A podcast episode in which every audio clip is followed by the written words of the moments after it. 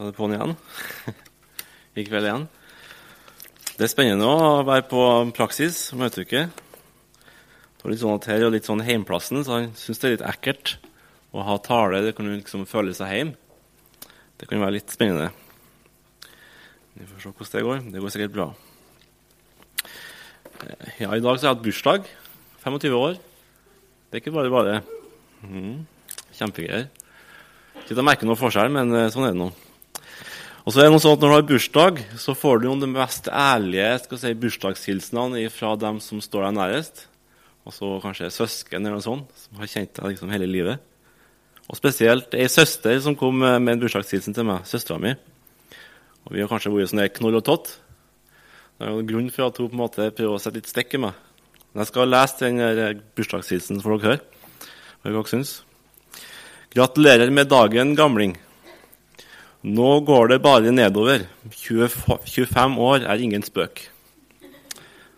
Klem fra søs. Mm. Så sånn er det. Nå er det bare én vei igjen og ned. ja, ja. Nei. Vi får starte å be først, før vi går løs på teksten. Jeg kjære himmelske Far, vil jeg takke for at uh, vi kan få samles her i kveld. Og takk for at vi kan få sitte ned og lytte til ditt ord. Og takk for at du har omsorg for oss, og at du ønsker å komme til oss og være sammen med oss. Og du velsigne stunden og åpne våre hjerter. I ditt navn. Amen.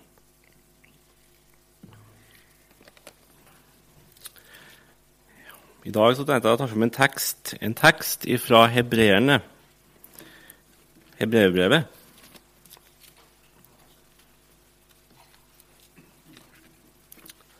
Hebreerbrevet 4 og vers 1-2.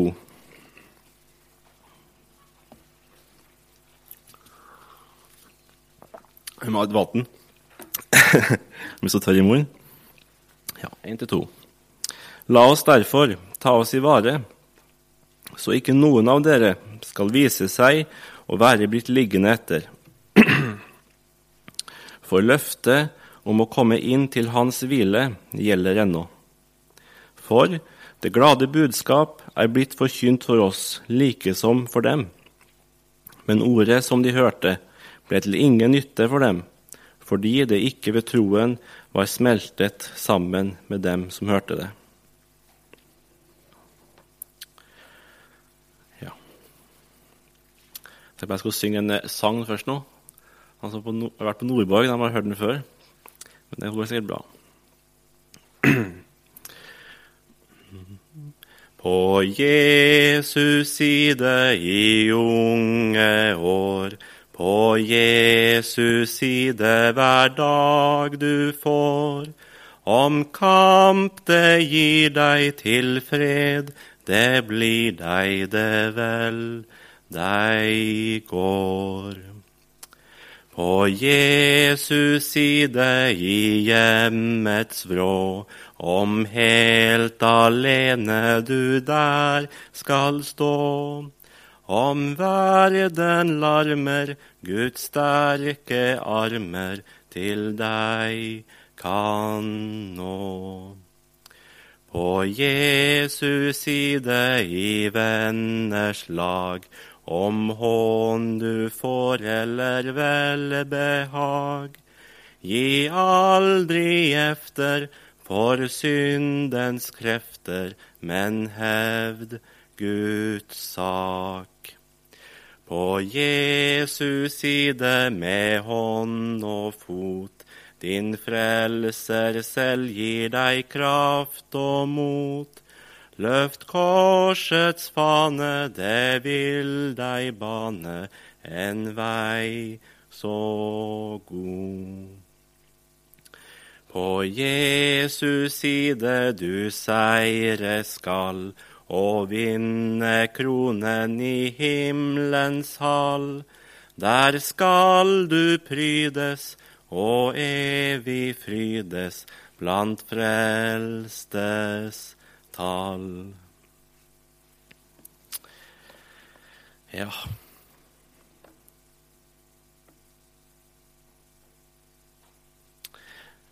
I sangen her så møtte vi på en måte der hva alt faller på, alt er detter på. På hvilken side står du? På hvilken side du står? Står du på Jesus sin side? Står du på hans sin side? På Jesus side hver dag du får. På Jesus side hjemmets vrå. Når du møter motgang i heimen, kanskje du står alene. Kanskje du står i en kamp i heimen. Står du da på Jesus sin side? I venners lag, i møte med arbeidskollegaer og venner som kanskje ikke er kristne. I ditt dagligliv, hvilken side står du på? På Jesus sin side. Med hånd og fot, med alt det vi gjør, med våre hender og foter og tanker. Ja. Og så står det 'På Jesus side du seire skal'. På Jesus side du seire skal. Om verden larmer Guds sterke armer til deg kan nå. Og det er flott.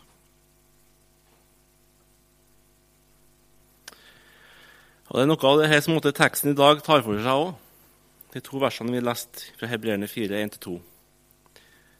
Den omsorgen, altså omsorgen for at vi skal nå fram, at vi en dag skal stå frelst i himmelen.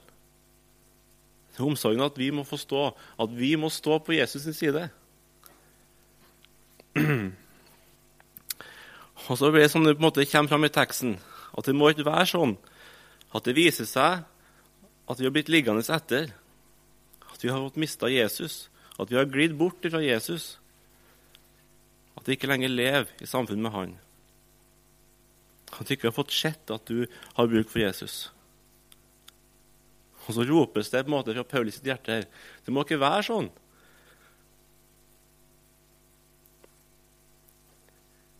Så roper det fra Paulus til dem det var retta mot, de jødekristne. Det er forferdelig den dagen, men det kommer den dagen at det går fram til slutten på livet her.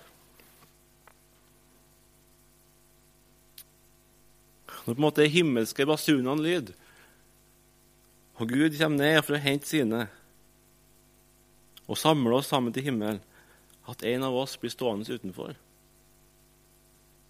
Og se, Paulus, Det må ikke være sånn, det må ikke bli sånn. At en av dere ikke er blant dem som er frelst. Og Så kommer det fram hvorfor, måte, hvorfor, det ikke må være en av oss, at det må ha skjedd oss. Fordi løftet om hvile det gjelder ennå. På en måte Redninga er her, den står åpen, den er klar. Og Det må ikke bli sånn at du ikke får tak i det, og ikke får tak i hva Jesus har gjort, og hvem Jesus er. Det må ikke bli sånn at det går oss forbi. At det er en glipp for oss. Det måtte det mest forferdelige som kan skje, at du ikke får tak i det.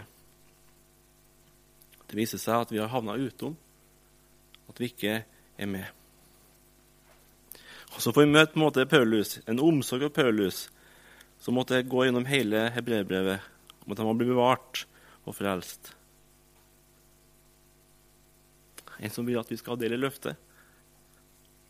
Og Så tror jeg det er viktig at vi har den omsorgen her blant oss òg, altså vi oss imellom. At vi har en omsorg for hverandre. At ikke noen av oss må bli liggende etter. At vi holder kontakt med og hører hvordan det går med hverandre. Det er viktig. For det er ingen selvfølge at alle sammen vil nå fram, at jeg når fram. Det er ikke en garanti. Men løften fra Gud, løftet fra Gud om frelsen, den er der. Og den er til alle. Jeg husker på da jeg var yngre, litt, yngre, litt ja, ung eller Så møtte jeg på en måte litt de eldre i menigheten. Så kunne jeg møte ja, noen ord som kanskje alltid var så enkelt. Det høres ut som jeg er veldig gammel når jeg sier jeg var ung. Men det er jo ikke Men på en måte den omsorgen du møtte i møte med dem som var litt eldre, det var på en måte en sånn omsorg du kunne bli litt redd av. Du på en måte prøvde å sky deg litt unna. Unngå å møte dem, for du visste at her kunne du møte denne omsorgen. Så gikk sånn omvei, på en måte. Nå skal du høre, nå skal vi høre hva de sa, de gamle. De sa hva de sa til oss. Du se for deg at det kom en gammel mann, så kommer han bort til deg. Og så legger han armen på skuldra di. Og så bøyer han seg framover, og så ser han deg inn i øynene dine. Og så sier han Håkon eller Mikael. Hvordan har du det med Jesus? Hvordan har du det med Jesus? Og så stikker det mot deg. Hva skal jeg si nå? Og så går det på en måte i forsvarsposisjon. Hva skal jeg si? Hvordan har du det med Jesus? Hvordan er ditt liv med Jesus? Og Så kommer jeg på en måte litt stilt fra en beskjeden Håkon. står der Jo, bra. Jo, bra. Jeg vet ikke hva jeg skal si. Jeg vet ikke hvordan du har reagert hvis en kom til deg i dag og spurte hvordan har du det med Jesus. Hvordan er ditt forhold med Jesus?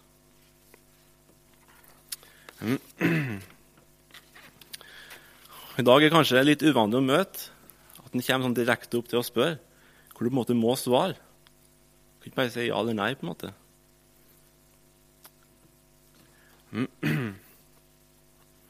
Og Det meste vi møter i dag, det er kanskje det om er du kristen, tror du på Jesus, bekjenner du kristen tro.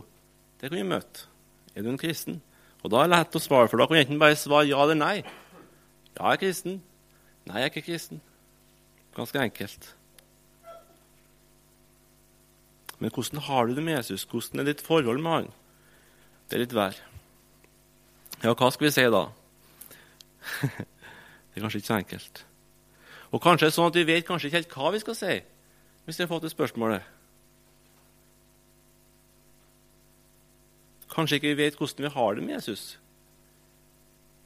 Kanskje du egentlig ikke vet hvordan ditt forhold er med Jesus.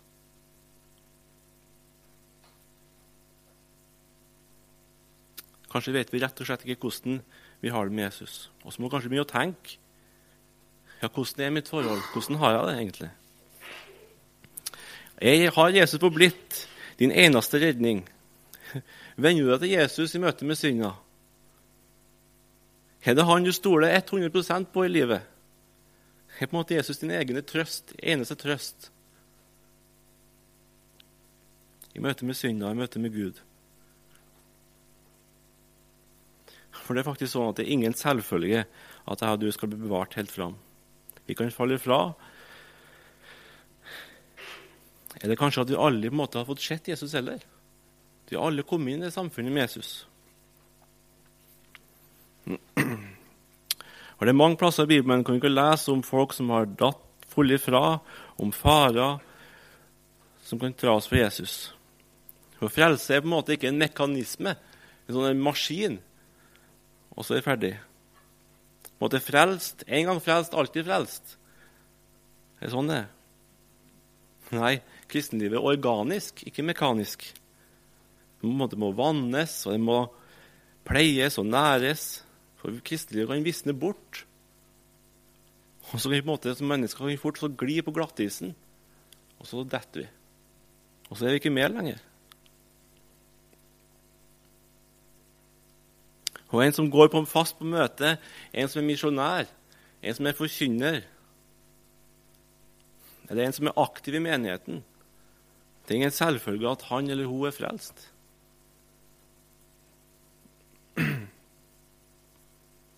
Og så har vi kanskje en tendens i dag til å bli på en måte veldig fri. Så utrolig fri. Så enormt fri. Så fri at vi på en måte ikke trenger å vite hvordan vårt forhold er med Jesus. Vi trenger ikke å vite det.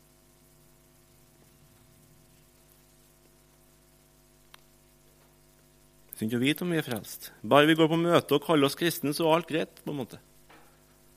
Bare møter opp og sier jeg er kristen, så er det greit. Men så spørsmålet er det det. Er det greit? Eh, jeg skal ta fram et vers fra 2. Korinterbrev, kapittel 13.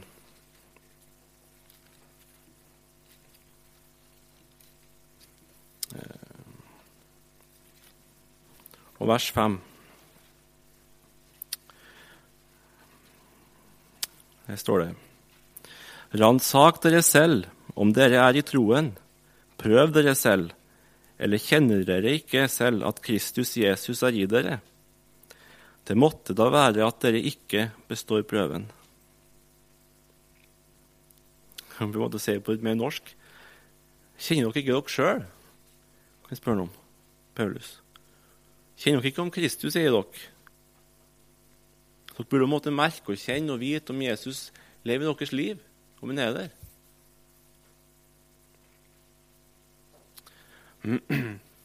Nå skal jeg bare prøve å ta noen sånne enkle spørsmål. Prøv dere selv, sier Paulus. Hvordan er det med din bibellesing? Hvor ofte kjenner du at du må lese i Bibelen? Hvor ofte kjenner du at du må hvile hos Jesus? Bønn. Skal vi ta bønn? Hvor ofte ber du? Hvordan er det med ditt bønneliv?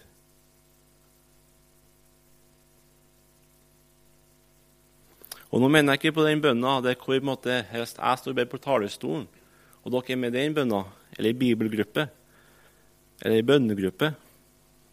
Men når måtte du sist gang sette deg ned alene i bønn til Gud? Be til Han, vær med Han og lev sammen med Han. På en måte få næring hos Jesus. På en måte som et ektepar sitter i lag og prater sammen. Når var sist gang du gjorde det? Sist gang du måtte legge dine synder framfor Gud? For en som hører Jesus til, så vil det her være det første han gjør når synder kommer opp i livet. Det er på det stedet jeg ikke kan være uten. Jeg må alltid tilbake dit. Jeg må inn til Jesus på nytt og på nytt. En kristen kan ikke leve uten Jesus. Og det som Gud kaller for synd, det holder jeg ikke ut. Jeg kan ikke stå med det. Det Gud sier vondt, det klarer ikke jeg å leve med. Det må jeg på en måte holde unna meg. Jeg skyr det. Det som er synd, det Gud kaller synd, det syns jeg er synd. Det kaller jeg for synd.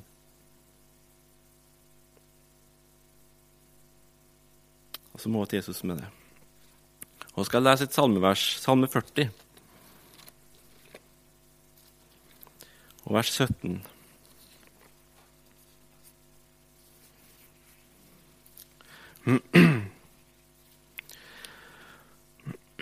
La alle dem som søker deg, fryde og glede seg i deg. La dem som elsker din frelse, alltid si, høylovet være Herren. Fryder du og gleder deg over det Jesus har gjort for deg? Er det en glede for deg? Gleder du deg, Gud? Og Det kan jo være sånn at vi kristne vi fryder oss på en måte mer over alt annet i vårt kristenliv, det vi er og det vi gjør. Det er på en måte det vi fryder oss på alt andre områder enn en måte å fryde oss i Jesus. Å fryde oss i Gud. Jeg vet ikke om du har kjent på det. Det jeg på en måte har prestert noe. Det er noe å fryde seg over. Men å fryde seg av Gud og i Gud Og så vet jeg ikke hva du har tenkt når du har sittet her når jeg på en måte har nevnt disse punktene her.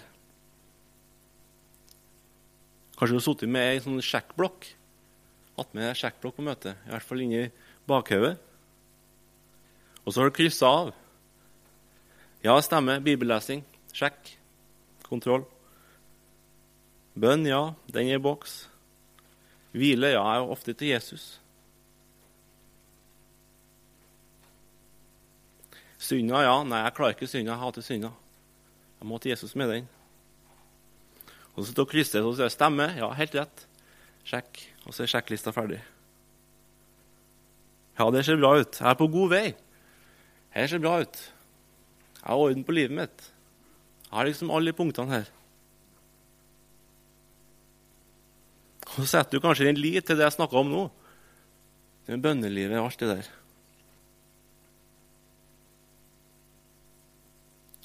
Jo, da jeg lever Jeg lever et liv med Jesus. Jeg gjør alt det som trengs. Og så Sånn kan menneskehjertet være. Eh, vi fryder oss på en måte over alt annet enn å fryde oss i Jesus og frelsen vi har i Gud. Men så er det sånn at det er ingenting av det jeg har nevnt nå, ingenting det har noe med vår frelse å gjøre. Om vi er frelst eller ikke. Men det er på en måte bare en virkning. Noe som hører kristenlivet til. Bønnelivet hører jo kristenlivet til. Bibellesninga hører kristenlivet til. Det er på en måte bare rett og rimelig at en som har Jesus og kommer fram for han og lever i lyset med sitt liv At synd på en måte blir holdt for synd. Og at han roser seg Jesus for alt han har gjort. Og at han tar opp på en måte korsets fane. Men det er ikke frelsesgrunn, det vi snakker om nå, men bare et levende kristenliv. Det er kristenlivet. Men det er ikke det som vi kan kalle for frelsesgrunn, som jeg kan sette min lit til og stole på. Det er det ikke. En mann som eh, han tror jeg kanskje levde for en 100 år siden, og ikke Øyvind Andersen i dag.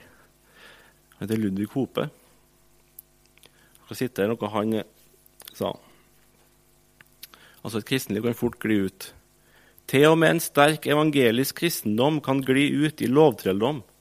Og ikke minst så kan det havne i det vi kan kalle død tro og døde gjerninger.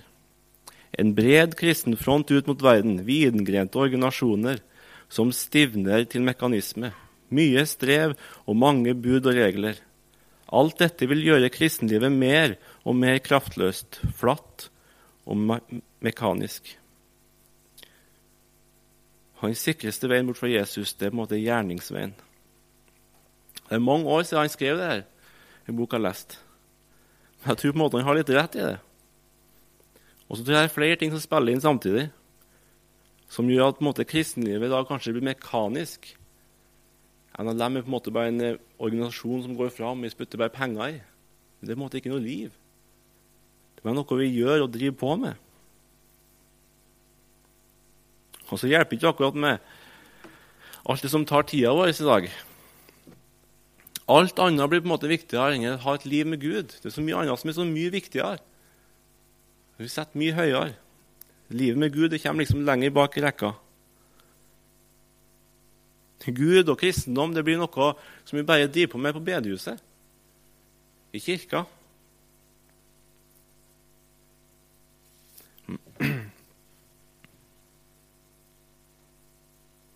Men det har ingen plass i livet, altså i mitt liv.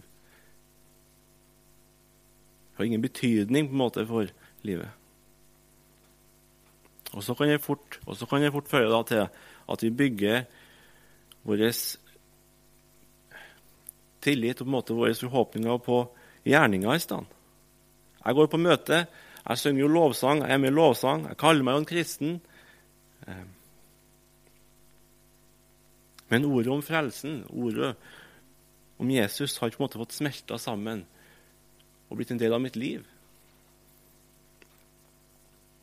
Slik at det har blitt mitt eget. Så er vi mennesker så enkelt for å bygge på noe annet enn Jesus.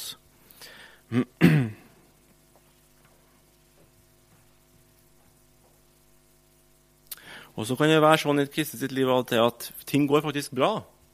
Det skjer på ditt ytre liv. Jeg går på bibelskole. Alt er på en måte lyst og lett. Alt går liksom så flott. Andakten går på silkebånd på en måte i heimen. På dagen jeg står opp om kvelden. Jeg er flink til å lese i Bibelen. Og bønna på en måte er levende. Jeg ber hver kveld om morgenen. Og, og så ser det ut som et levende kristenliv. Og så kan det være så godt å lese og godt å be.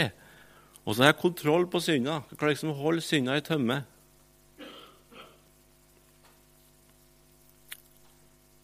Og så kan vi fortsette. Og det er så godt når det er sånn.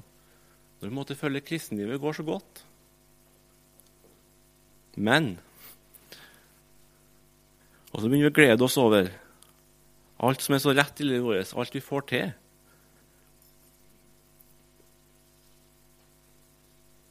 Og på hvordan, på hvordan vi måtte føle kristenlivet går. Vi bygger på en måte at vi føler at kristenlivet går bra. Men så kommer det tunge tider. Det virker som kristenlivet går i stå, om alt stopper. Bønnelivet stopper, bibellesning og andakten forsvinner. Og så et ork å gå på møte plutselig. Og er på bibelskolen noen forferdelige greier. Åh, slitsomt. Og så våkner både synda og måte bruser mer enn oss i noen gang. Hva da? Og Så kan vi spørre oss er jeg en kristen nå, da? Sånn som jeg har det nå. Kan jeg være en kristen nå? Når jeg har det sånn. Jeg har ingen glede av å være kristen lenger. Ingen fred. Alt er på en måte mørkt. Kan jeg nå være frelst? Og så står vi kanskje der og så Nei, jeg er visst ikke en kristen likevel. Jeg er vel ikke en kristen likevel.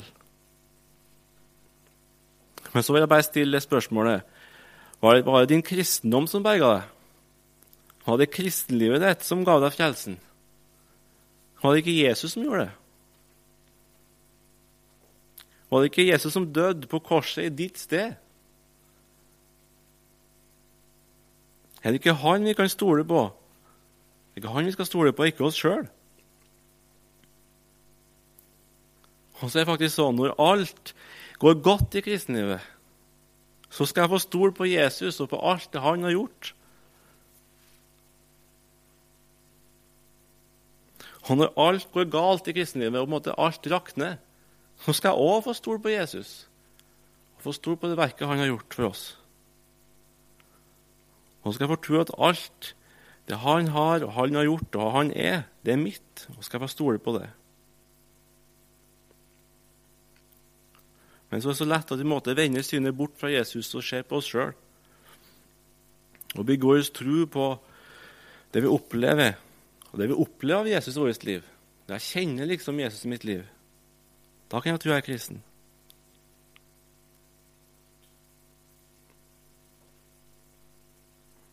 Det vi er og gjør og sier, kan ramse opp. At vi går på møte, at jeg er med i den og den sammenhengen. Jeg er en. Jeg går i Frikirka. Jeg hører ikke til de liberale der. Jeg går liksom her. Rett konservativ og rett bibelsyn. Og så kan vi på en måte bygge på det i stedet for å bygge på Jesus sjøl, den han er. Det Jesus har gjort, og det han er for oss. Og så er det på en måte utrolig når et menneske får se inn i det her, og får se Jesus. Og på en måte all slør i livet på en måte detter ned og forsvinner. Og så får han se på en måte at himmeldøra åpner seg, at det er en som har åpna døra. Og så skjer det en forandring i dette mennesket sitt liv. Ikke fordi han har forandra seg som person eller i sitt vesen, men fordi han fikk se noe utenfor seg. Noe utenfor seg sjøl. Han fikk se på Jesus. Og så kan vi få juble ut. Og hvor godt det er å få være Jesu brud, og få være en av hans. En som han har gjort alt for. Å få hvile i det og få stole på det.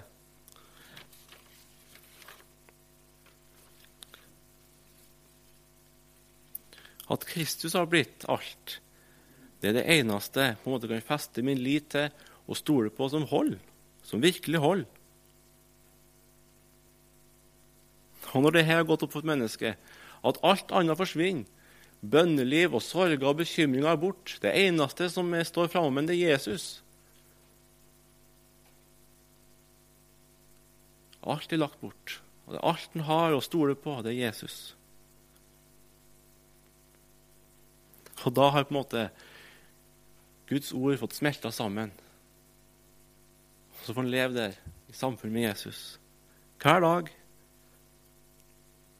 Og så kan han få bygge kristenlivet sitt på det, og ut ifra det.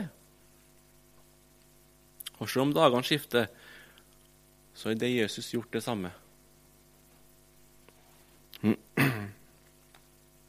Vel skifter sol og skyer i hjertet ofte om.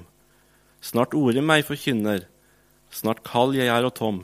Men jeg har lært betrakte, hos Gud det skifter jeg. Jeg har nå lært forakte mitt hjertes ja og nei.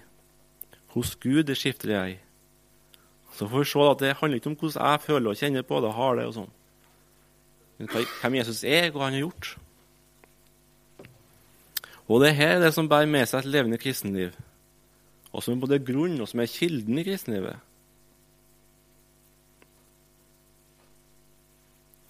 Det er ganske rart, det med nåden. Du kan tenke på at det er merkelig greier. Når det på en måte er bare nåden, kun nåden, vi kan sette vår lit til her i livet. Ingenting annet. Hadde det på en måte bare vært det at vi kunne sette nåden til én gang i livet, og stole på det én gang, og få møtt nåden én gang Den første gangen jeg møtte nåden, og det var nok. Nå trengte jeg ikke mer. Den ene gangen jeg møtte det, og så er det nok. Men så er faktisk det at det er nåden alltid, hver dag, hele året. Det er ikke snakk om bare én gang i livet, men i dag og i morgen. Hele livet. Og ingenting annet.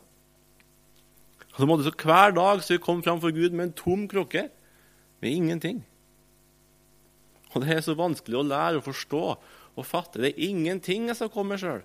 Det er ingenting, Gud, i mitt liv. Det er hver dag som får komme med ingenting. At det måte er tomt. At man får nekte alt jeg har sjøl i mitt eget liv, og ta imot det Jesus har.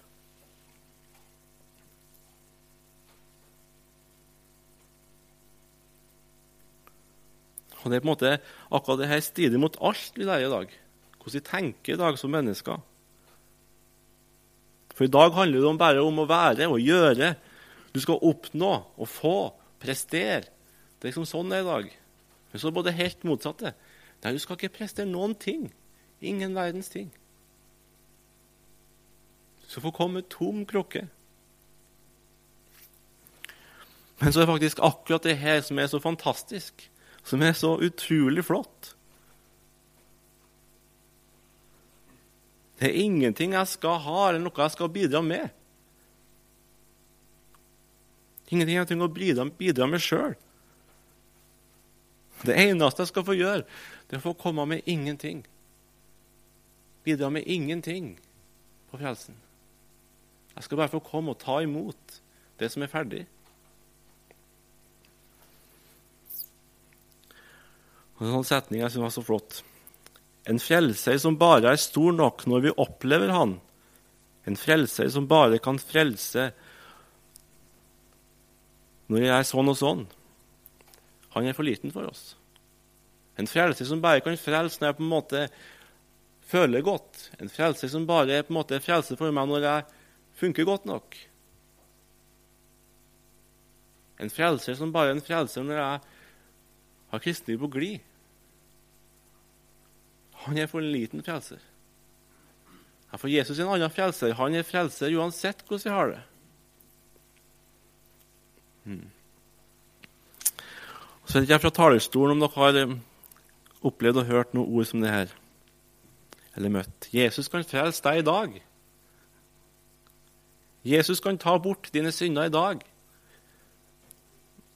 Jesus kan komme inn i ditt liv og ordne opp ditt liv i dag. Har dere hørt det fra talerstolen noen gang? Og så vil jeg spørre, hvis dere har hørt det Men er det, er det det som er evangeliet? Er det det som er evangeliet, at Jesus kan komme inn i ditt liv og ordne ditt liv i dag? Og fikse opp på en måte i synda? Er det evangeliet? Nei, det er det ikke. Og hvordan lyder evangeliet egentlig? Det lyder sånn Jesus har frelst deg. Han har kjøpt deg fri fra synda. Han har frigjort deg fra synda. Han har frelst deg. Det er sånn evangeliet lyder. Ikke kom og ordne opp i livet. Og det er flott. Så kan man tenke på den bortkomne sønnen. Dere husker på den? Dere har hørt den før. Helt sikkert. En sønn som har gått bort fra sin far og har gjort måte, alt vondt og stygt, sløsa bort arven, levd et usømmelig liv. Og Så kommer han hjem, og så står faren og tar imot ham med åpne armer. Men så har han en bror. En bror der. Han blir så sint og så blir han så misunnelig på denne broren som får alt. Han får på en måte gjøkalven, han får klær, får penger. Og hva har han gjort for det? Ingenting. Her har jeg vært hjemme og så har jeg strevd, jeg har jobba, jeg har gjort gjerninger på en måte vært og gjort. Og hva får jeg? Ingenting. Og så kommer han her som måtte sløsa bort alt. Og så kommer du og åpner opp med åpne armer og tar han imot. Når han kommer hjem. Og så blir han så sint, og så går han ut. Men så står det at faren kommer ut, og så prater han vennlig til denne sønnen.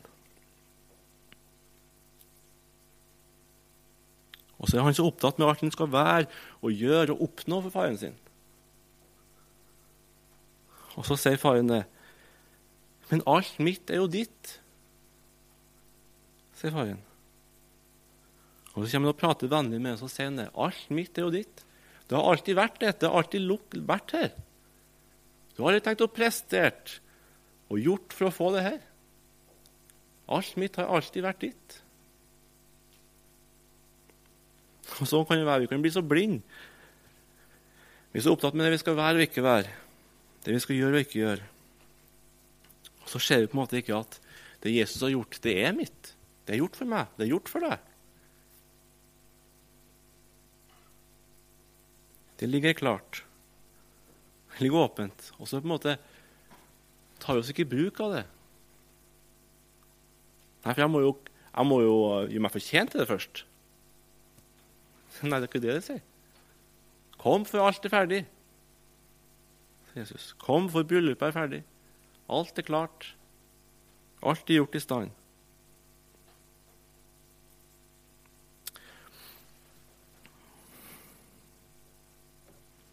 Og Så kan vi måtte sitte og bare vente på at Gud skal godkjenne oss og fikse oss. Og så vi, får vi ikke se at Jesus har faktisk gjort alt. Gud har gitt oss alt vi trenger. Gitt oss alt vi trenger. Alt mitt er ditt. Alt mitt er ditt.